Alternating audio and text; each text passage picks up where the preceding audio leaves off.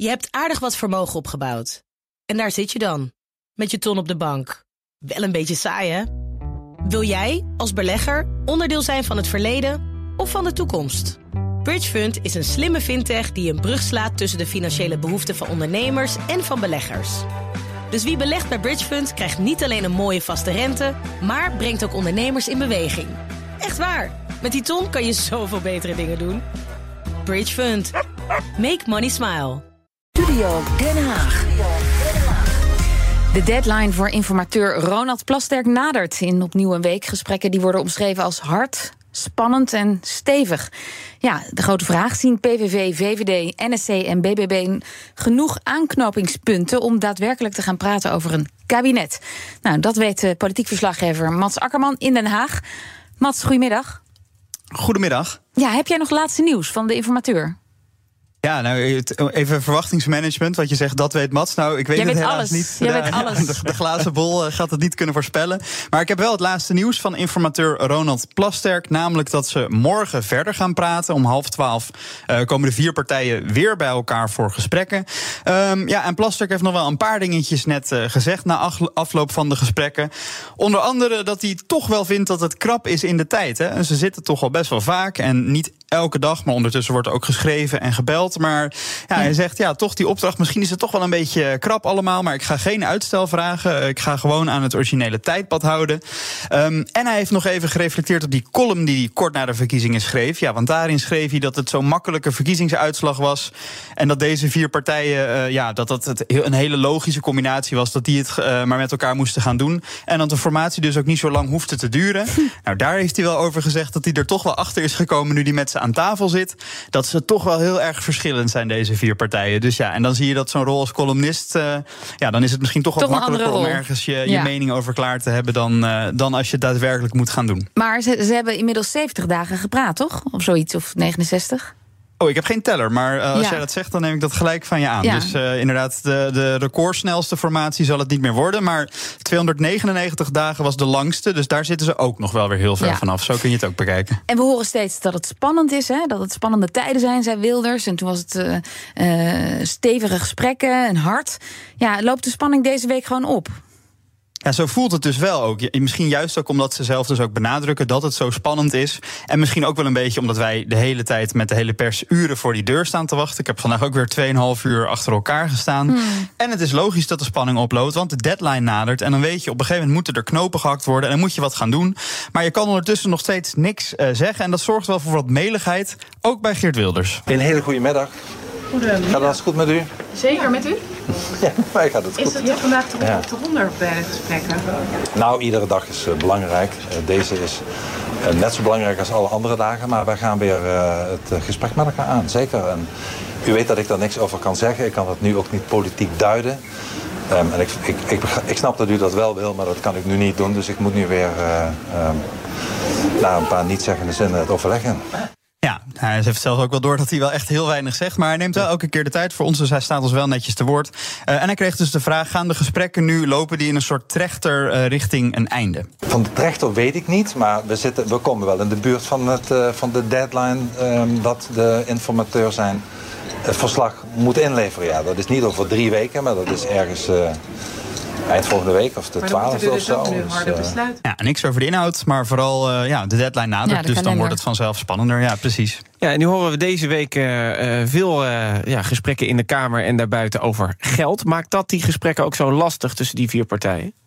Ja, dat is een van de dingen die het lastig maakt. Daar hebben we het eerder ook al over gehad. De financiën. Eh, achtergrond daarvan is dat Klaas Knot van de Nederlandse Bank eh, onder andere heeft gezegd dat er 17 miljard eigenlijk bezuinigd moet worden voor gezonde overheidsfinanciën. Terwijl bijvoorbeeld de PVV en BBB eh, ja, voor dure plannen hebben die veel meer geld kosten. Eigen risico afschaffen bijvoorbeeld, wat 6 miljard kost. Ehm, nou, informateur Plasterk heeft daar ook eerder al over gezegd. Geld is inderdaad lastig, omdat geld raakt aan alle andere onderwerpen die je bespreekt. Maar een ander lastig onderwerp zou asiel zijn. En dan niet per se hè, dat beperken van migratie, want daar zijn deze partijen het wel over eens. Maar die spreidingswet, want die kwam door de Eerste Kamer tot, tegen het zere been van Geert Wilders. Ja, serieus Ehm, probleem, hè? Noemde die dat? Ja, precies. En daar zou het dan nu op vastzitten. En ja, wat er gebeurd zou zijn, is dat Plasterk dan vandaag een makkelijker onderwerp zou doen om de gesprekken weer eventjes uh, vlot te trekken. Maar bij de PVV zagen we vandaag als secundant Guy Markenshouwer en hij is de woordvoerder asiel en migratie. Uh, dus we moesten toch even aan Geert Wilders vragen of daar vandaag over gepraat ging worden. Dat, dat zou je daar, of over veiligheid natuurlijk. Hij doet meer dan uh, alleen uh, asiel. maar dat zou zomaar kunnen. ja. ja. Ja, dus dat ook wilde hij niet loslaten. Maar wat er gebeurd zou zijn, is dat de PVV en de VVD samen uh, aan de formatietafel kwamen met een oplossing voor die spreidingswet. Namelijk om dat dwangelement eruit te halen. Hè, dat we dwang niet meer zouden gaan doen. Um, ja, en dat plan, daar wilde Dylan Jessicus van de VVD ja, uiteraard ook niet op reageren. Oh, ik praat nooit over lekken, geruchten, roddels. Uh, dat is echt aan uh, ieder die dat wil doen, maar dat doe ik niet. Maar heeft u dat gevraagd in ieder geval, of die dwang eruit? Ik zeg niks over de tafel. Zou u het dus, willen? Ik zeg echt helemaal niks meer. Dank u wel, fijne middag. Maar ja, zullen er niks over zeggen? Ja? Uh, de, de, het dwangelement in de spreidingswet, dat is die hele wet.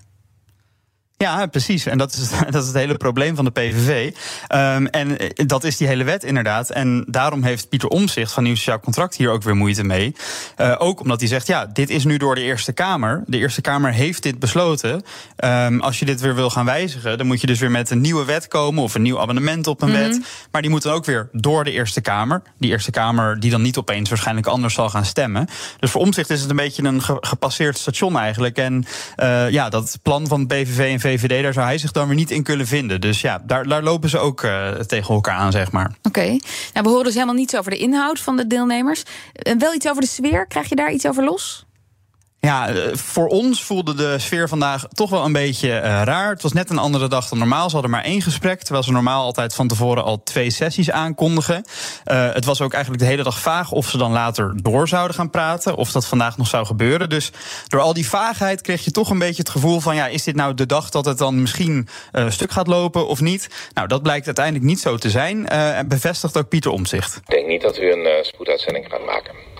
Um, als het geklapt was, dan had u weer iemand zien weglopen. Dus dat is niet aan de orde. Ja, een slechte geluidskwaliteit. Ik had het van iemand anders opgenomen. Want om zich stond ons niet te woord ah. op de plek waar oh, iedereen ons te woord stond. Dus ik moest het even van iemand anders overnemen. Maar uh, nou ja, als het was geklapt, dan was hij, uh, dan was hij al van tafel gelopen of zo.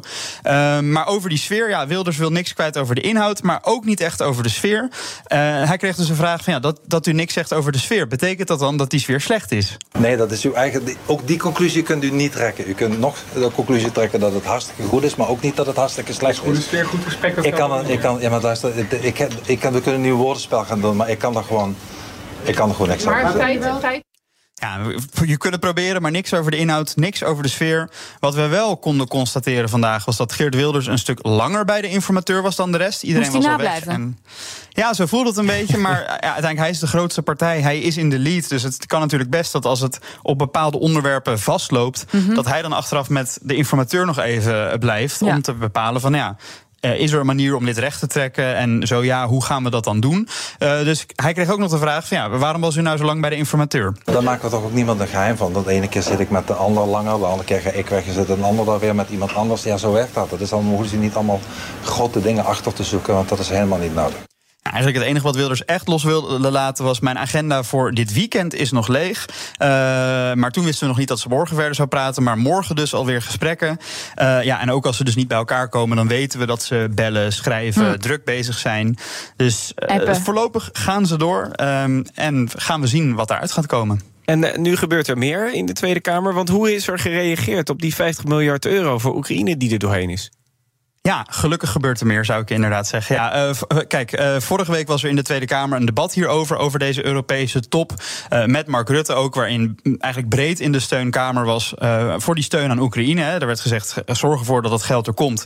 En ze gaven eigenlijk ook een beetje de opdracht mee aan Mark Rutte van het liefst met alle 27 lidstaten, dus ook Hongarije daarin meekrijgen, want die lagen dwars. Hè. Daar hebben jullie het al veel gehad over mm -hmm. vandaag. Um, maar dus toch wel ja, blijheid in de Tweede Kamer dat dat gelukt is. En ik sprak daarover met Tom van Kampen, de Europa-woordvoerder van de VVD. Ja, dit is de enige uitkomst die, die noodzakelijk had kunnen zijn en, en die logisch is.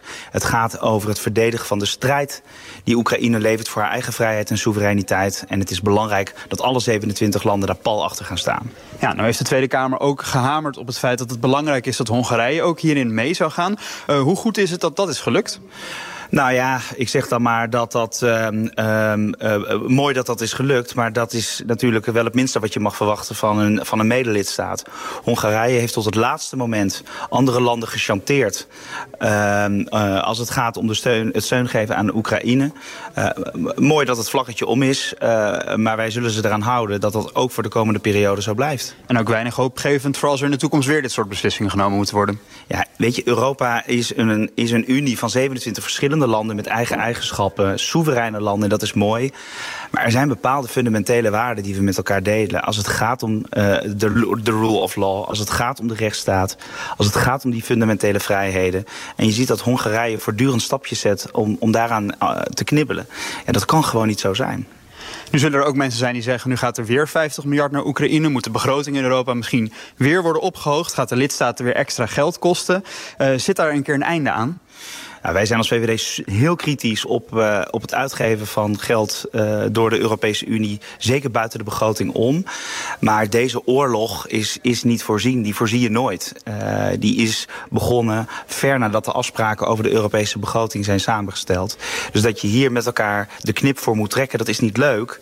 Maar laten we ons realiseren dat het niet alleen de oorlog van de Oekraïners is, het is ook de oorlog van onszelf. Het is de oorlog die gaat over onze eigen vrijheid op ons eigen continent. En dat, dat is de reden dat we zo pal moeten gaan staan voor die steun aan Oekraïne. Ja, en over hoe dat dan in de toekomst gaat, als er nog meer geld nodig blijkt te zijn. Nou, daarvan zei hij dat dat moeten we dan maar weer zien. Maar die steun blijft en dat leeft ook echt wel breed. GroenLinks, Partij van de Arbeid, Nieuw Sociaal Contract. Uh, veel partijen die gewoon achter deze steun ja. voor Oekraïne staan. En dan nog meer nieuws, of nieuwtje. Pia Dijkstra wordt namens D66 de nieuwe minister voor Medische Zorg. Ja, er moest een nieuwe minister gevonden worden. Waarom is zij het geworden? Ja, ze heeft ervaring op dat dossier. Ze is oud Tweede Kamerlid van D66. Ze zat van 2010 tot 2021 in de Tweede Kamer. Daar deed ze ook zorg, daar deed ze ook medisch-ethisch. Uh, ik denk waar de meeste mensen haar van kennen is de donorwet. Ja. Hè, dus dat je automatisch orgaandonor bent tenzij je bezwaar maakt. Uh, ze maakte ook het begin aan de wet Voltooid Leven... die nog steeds uh, ergens op een plank ligt om behandeld te worden. Um, en ze krijgt dus de portefeuille medische zorg. Dat is de portefeuille die Ernst Kuipers had. Die is vertrokken naar een nog onbekende baan. Um, ja, um, ja, dat, is, dit, dat wordt okay. haar nieuwe ministerie. Maar, minister voor Medische Zorg. Maar Connie Helder, die, die is er en die gaat niet weg. Nee, Connie Helder, die wordt de nieuwe minister van Volksgezondheid, Welzijn en Sport. Dus ze hebben een kleine soort van reshuffle gedaan op het ministerie. Zij wordt dus wel de baas van het ministerie, terwijl zij eerst eigenlijk de tweede minister op het ministerie was. Uh, dus ook eindverantwoordelijk voor de ambtenaren en zo. Maar zij houdt wel haar oorspronkelijke takenpakket. Okay. Dus dat is langdurige zorg, ouderenzorg en sport. Uh, en de medische zorg, die gaat Pia Dijkstra doen. Maar ze heeft niet dan gelijk als nieuwkomer de leiding over het hele ministerie. Dus een kleine verandering, maar er zitten weer twee ministeries op het, uh, op het ministerie. En Pia Dijkstra, hoe lang ze het zal gaan doen, ja, dat hangt weer af van de formatie. Maar, uh, maar wordt hier ja. ook niet mee gezegd, Mats, dat, dat Pia eigenlijk dan. Uh, Oké, okay, ze kan wel even tijdelijk die functie doen, maar ze mag dan niet het hele ministerie leiden. Daar is ze niet goed genoeg voor. Daarom schuiven we Connie Helder maar door. Nou ja, niet goed genoeg voor. Um, kijk, Connie Helder die zit sinds uh, begin 2022 uh, op dat ministerie. Dus nu al twee jaar. Dus die kent dat ministerie goed. En dan is het misschien handiger voor de demissionaire periode om dus te zeggen: nou ja, we laten haar wel uh, in de lead, zeg maar. Ja. Ook omdat zo'n nieuw persoon moet natuurlijk toch ook nog wel weer worden ingewerkt op een ministerie. Dus het is op zich niet een hele gekke keuze. En je ziet wel eens vaker dat als een kabinet demissionair is, dat er een klein beetje heen en weer wordt geschoven met functies. Dus daarom geven ze Connie Helder nu de leiding over het ministerie. Wil niet per se zeggen dat Pia Dijk dat, uh, dat niet, niet kan, zou kunnen, zeg nee. maar, op termijn. Nee, precies. Dankjewel, politiek verslaggever Mats Zakkerman. Je hebt aardig wat vermogen opgebouwd. En daar zit je dan, met je ton op de bank. Wel een beetje saai, hè?